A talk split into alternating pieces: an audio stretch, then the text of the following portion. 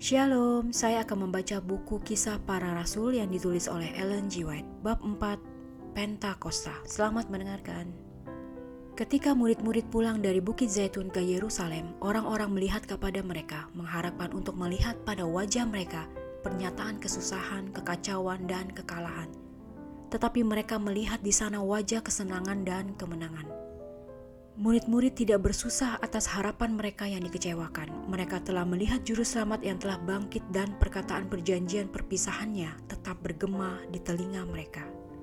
Dalam penurutan kepada perintah Kristus, mereka menunggu di Yerusalem untuk janji Bapa, kecurahan Roh Kudus.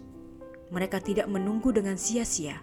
Catatan mengatakan bahwa mereka senantiasa berada di dalam bait Allah dan memuliakan Allah. Lukas 24 ayat 53 mereka juga sama-sama mempersatukan permohonan mereka kepada Bapa dalam nama Yesus. Mereka tahu bahwa mereka mempunyai wakil dalam surga, seorang penganjur dalam tata Allah. Dalam perasaan yang penuh hikmat, mereka bertelut dalam doa mengulangi jaminan. Sesungguhnya segala sesuatu yang kamu minta kepada Bapa akan diberikannya kepadamu dalam namaku. Sampai sekarang kamu belum meminta sesuatu pun dalam namaku.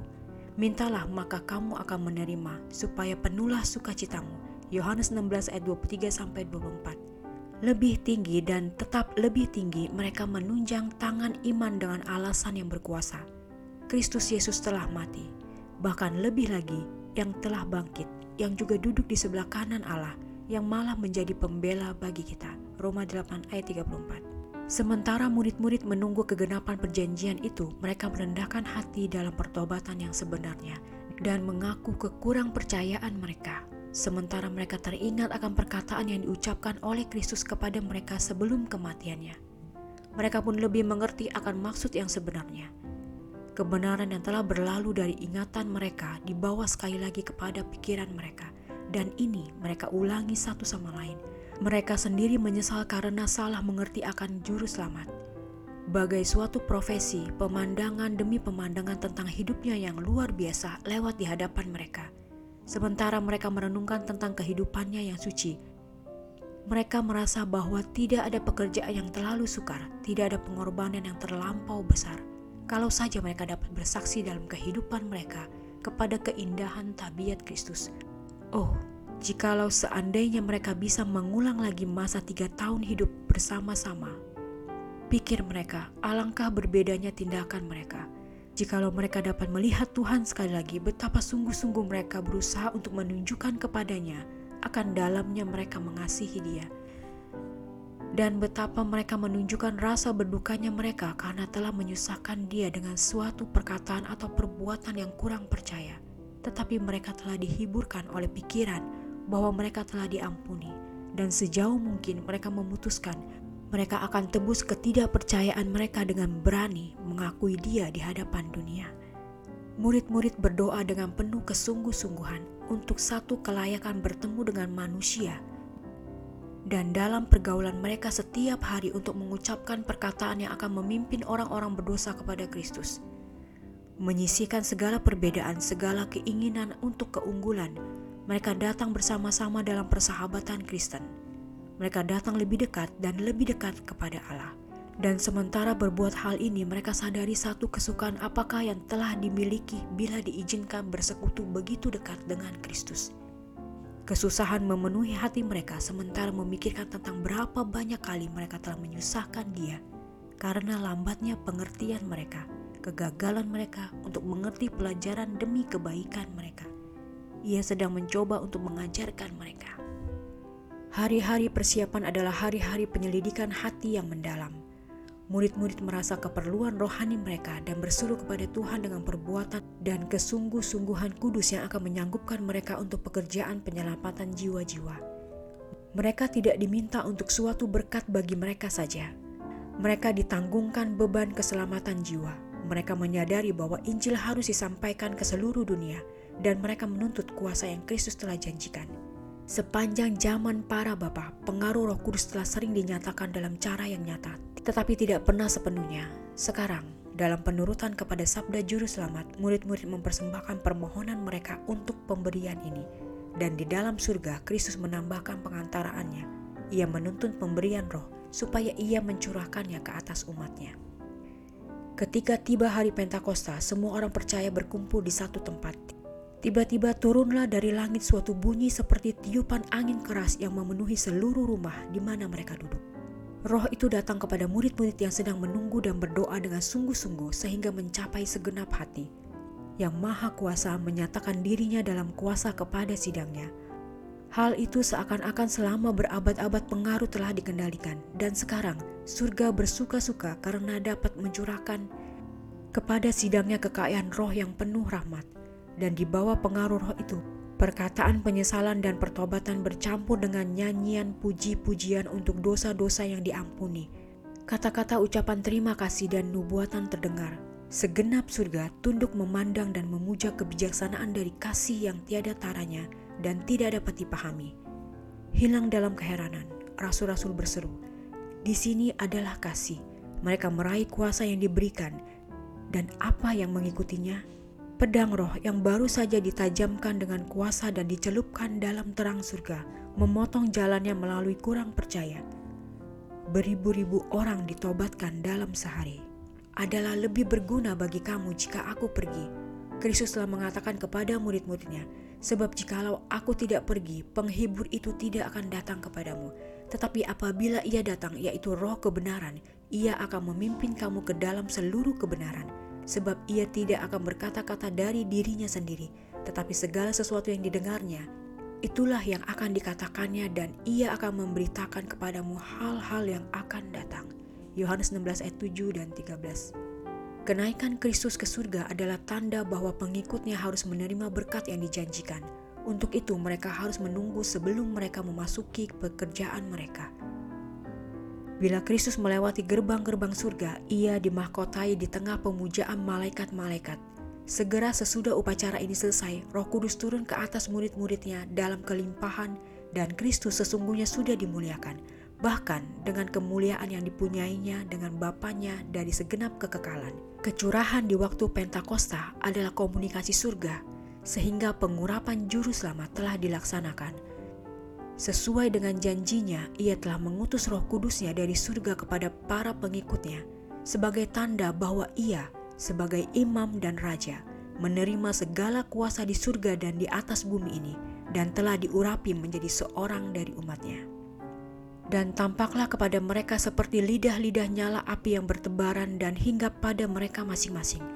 Maka penuhlah mereka dengan roh kudus. Lalu mereka mulai berkata-kata dalam bahasa-bahasa lain seperti yang diberikan roh itu kepada mereka. Roh kudus yang mengambil bentuk lidah api hinggap pada mereka yang berkumpul. Inilah suatu tanda pemberian yang dikaruniakan kepada murid-murid yang memungkinkan mereka berbicara dengan bahasa yang lancar yang belum mereka kenal sampai pada waktu itu. Munculnya api ditandai semangat yang berapi-api dengan mana rasul-rasul akan bekerja dan kuasa yang akan menyertai pekerjaan mereka. Waktu itu di Yerusalem diam orang-orang Yahudi yang saleh dari segala bangsa di bawah kolong langit. Selama pembubaran orang-orang Yahudi telah tersebar hampir di segala bagian dunia yang didiami dan dalam pembuangan mereka. Mereka telah belajar berbicara berbagai-bagai bahasa banyak dari orang-orang Yahudi di Yerusalem yang pada kesempatan ini mengunjungi pesta rohani yang sedang berlangsung. Setiap bahasa yang diketahui dikemukakan oleh mereka yang berkumpul.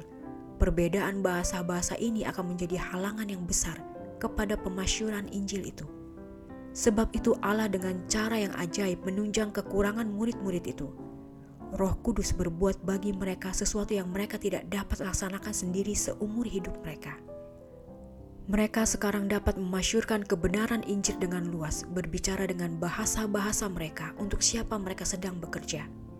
Pemberian yang ajaib ini adalah bukti yang kuat kepada dunia bahwa misi mereka mendapat restu dari surga.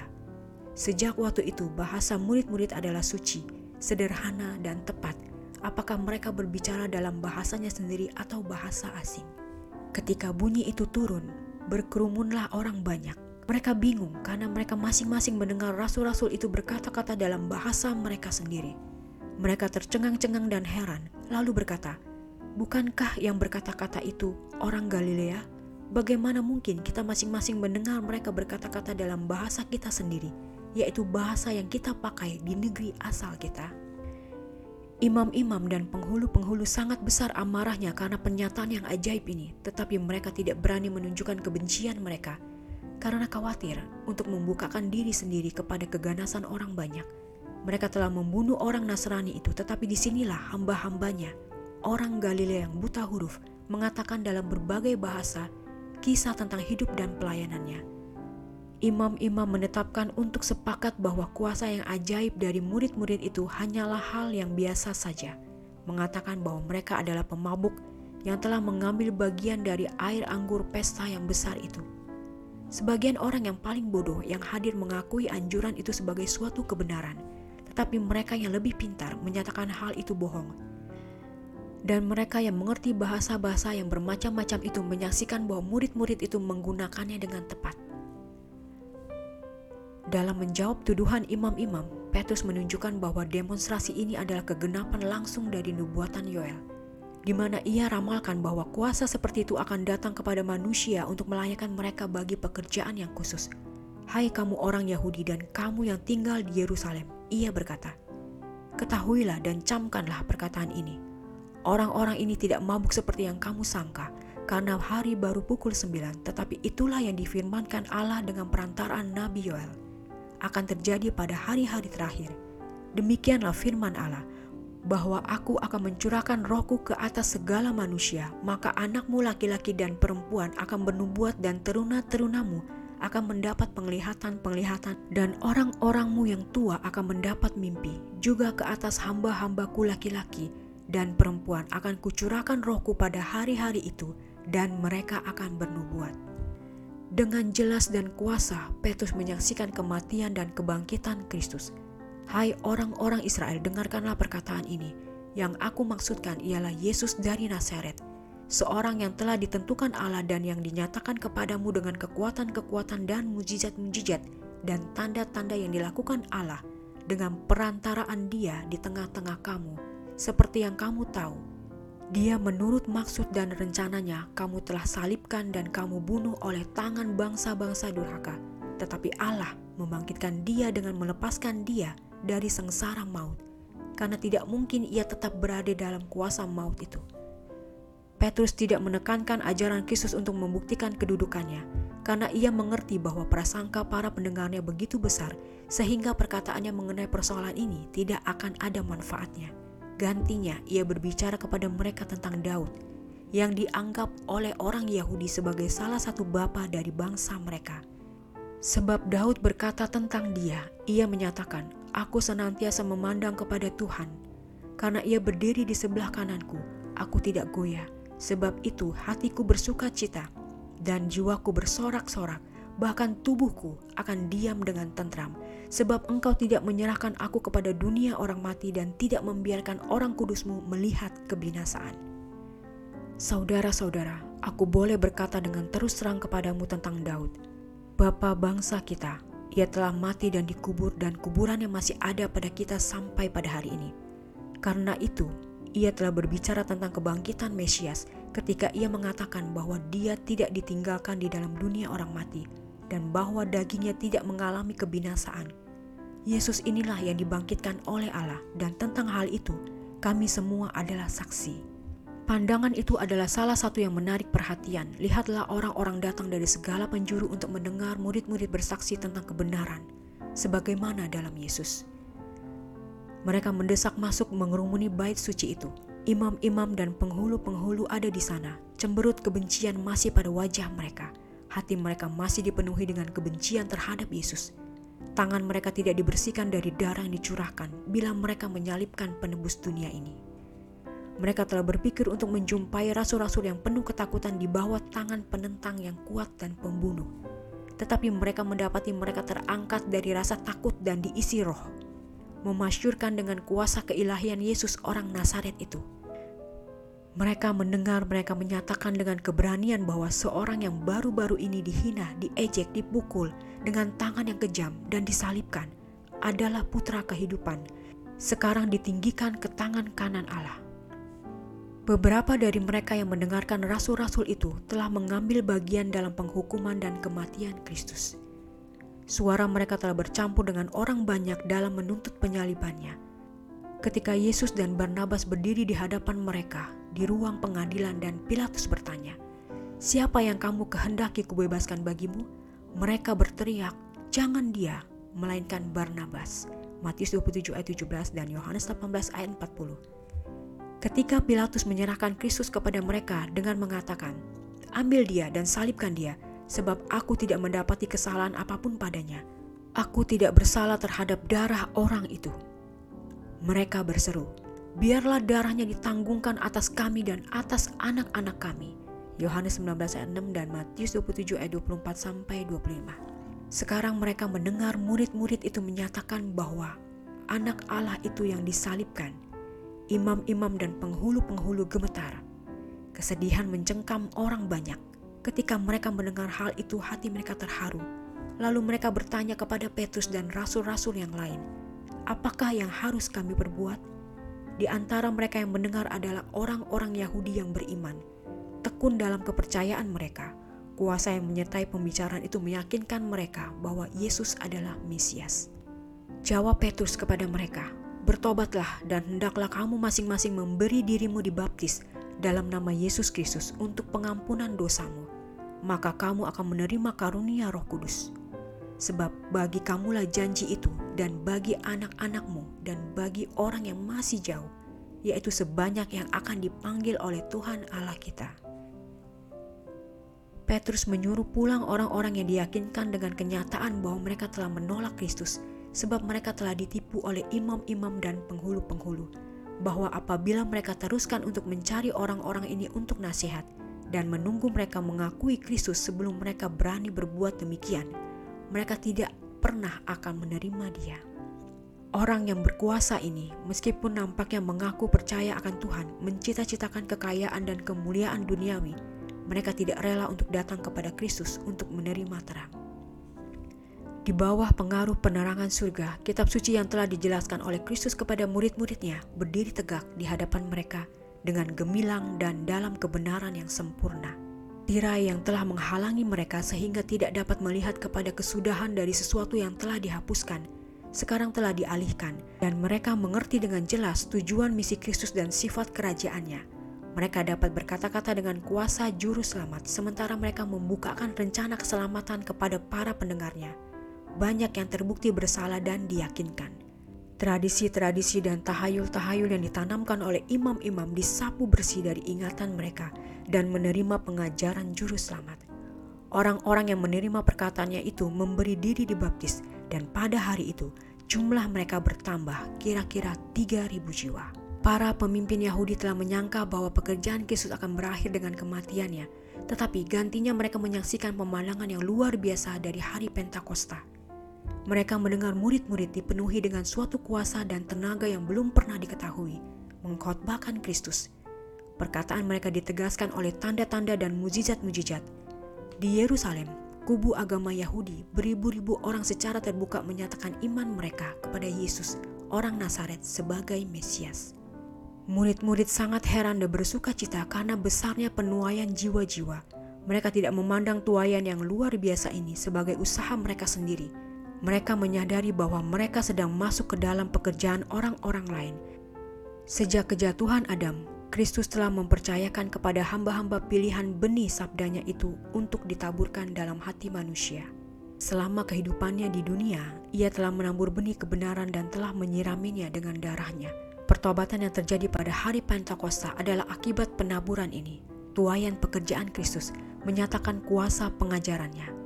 Pekabaran rasul-rasul sendiri, meskipun jelas dan meyakinkan, tidak akan menghilangkan prasangka yang telah menahan begitu banyak bukti. Tetapi Roh Kudus menjelaskan pekabaran ke dalam hati dengan kuasa ilahi. Perkataan rasul-rasul adalah sebagai anak panah yang tajam dari Yang Maha Kuasa, menghukum manusia dari kesalahan mereka yang mengerikan dalam menolak dan menyalibkan kemuliaan Allah. Di bawah pendidikan Kristus, murid-murid telah dituntun untuk merasap keperluan mereka akan roh itu di bawah pengajaran roh, mereka menerima kecakapan terakhir dan pergi kepada pekerjaan seumur hidup mereka. Mereka tidak lagi bodoh dan tidak beradab. Mereka tidak lagi tanpa pengetahuan dan tidak peradaban. Tidak lagi pengharapan mereka didasarkan atas kebesaran duniawi. Mereka dengan sehati, sehati dan sejiwa Kisah 2 ayat 46 dan Kisah 4 ayat 32. Kristus memenuhi pikiran mereka. Kemajuan kerajaannya adalah tujuan mereka. Dalam pikiran dan tabiat mereka telah menjadi seperti Tuhan mereka dan manusia mengenal keduanya sebagai pengikut Yesus. Kisah 4 ayat 13. Hari Pentakosta membawa mereka kepada penerangan surga, kebenaran-kebenaran yang tidak dapat mereka pahami ketika Kristus berada bersama-sama dengan mereka, sekarang terbuka. Dengan iman dan jaminan yang mereka belum ketahui sebelumnya, mereka menerima ajaran-ajaran dari sabda yang kudus. Hal itu bukanlah suatu persoalan iman dengan mereka bahwa Kristus adalah anak Allah. Mereka mengetahui bahwa meskipun berpakaian jubah kemanusiaan, ia adalah sesungguhnya Mesias, dan mereka menceritakan pengalaman mereka kepada dunia dengan suatu keyakinan yang membawanya dengan keyakinan bahwa Allah beserta dengan mereka. Mereka dapat membicarakan nama Yesus dengan jaminan, karena bukankah Ia sahabat mereka dan saudara mereka yang lebih tua? Dibawa ke dalam persekutuan yang rapat dengan Kristus, mereka duduk dengan Dia di dalam surga dengan bahasa yang berapi-api mereka membungkus buah pikiran mereka sementara mereka bersaksi untuk dia. Hati mereka dipanaskan dengan suatu kedermawanan penuh begitu dalam, begitu luas sehingga hal itu memaksa mereka untuk pergi ke ujung bumi, menyaksikan tentang kuasa Kristus. Mereka dipenuhi dengan kerinduan yang mendalam untuk memajukan pekerjaan yang sudah dimulainya. Mereka menyadari besarnya utang mereka kepada surga dan tanggung jawab pekerjaan mereka dikuatkan dengan pemberian Roh Kudus, mereka keluar penuh semangat untuk memperluas kemenangan salib. Roh itu menghidupkan mereka dan berbicara melalui mereka. Damai Kristus bercahaya dari wajah mereka. Mereka telah menyerahkan kehidupan mereka kepadanya untuk pelayanan, dan roman muka mereka sendiri menyaksikan penyerahan yang telah diadakannya. Demikianlah bacaan buku kisah para rasul bab 4 Pentakosta. Tuhan memberkati.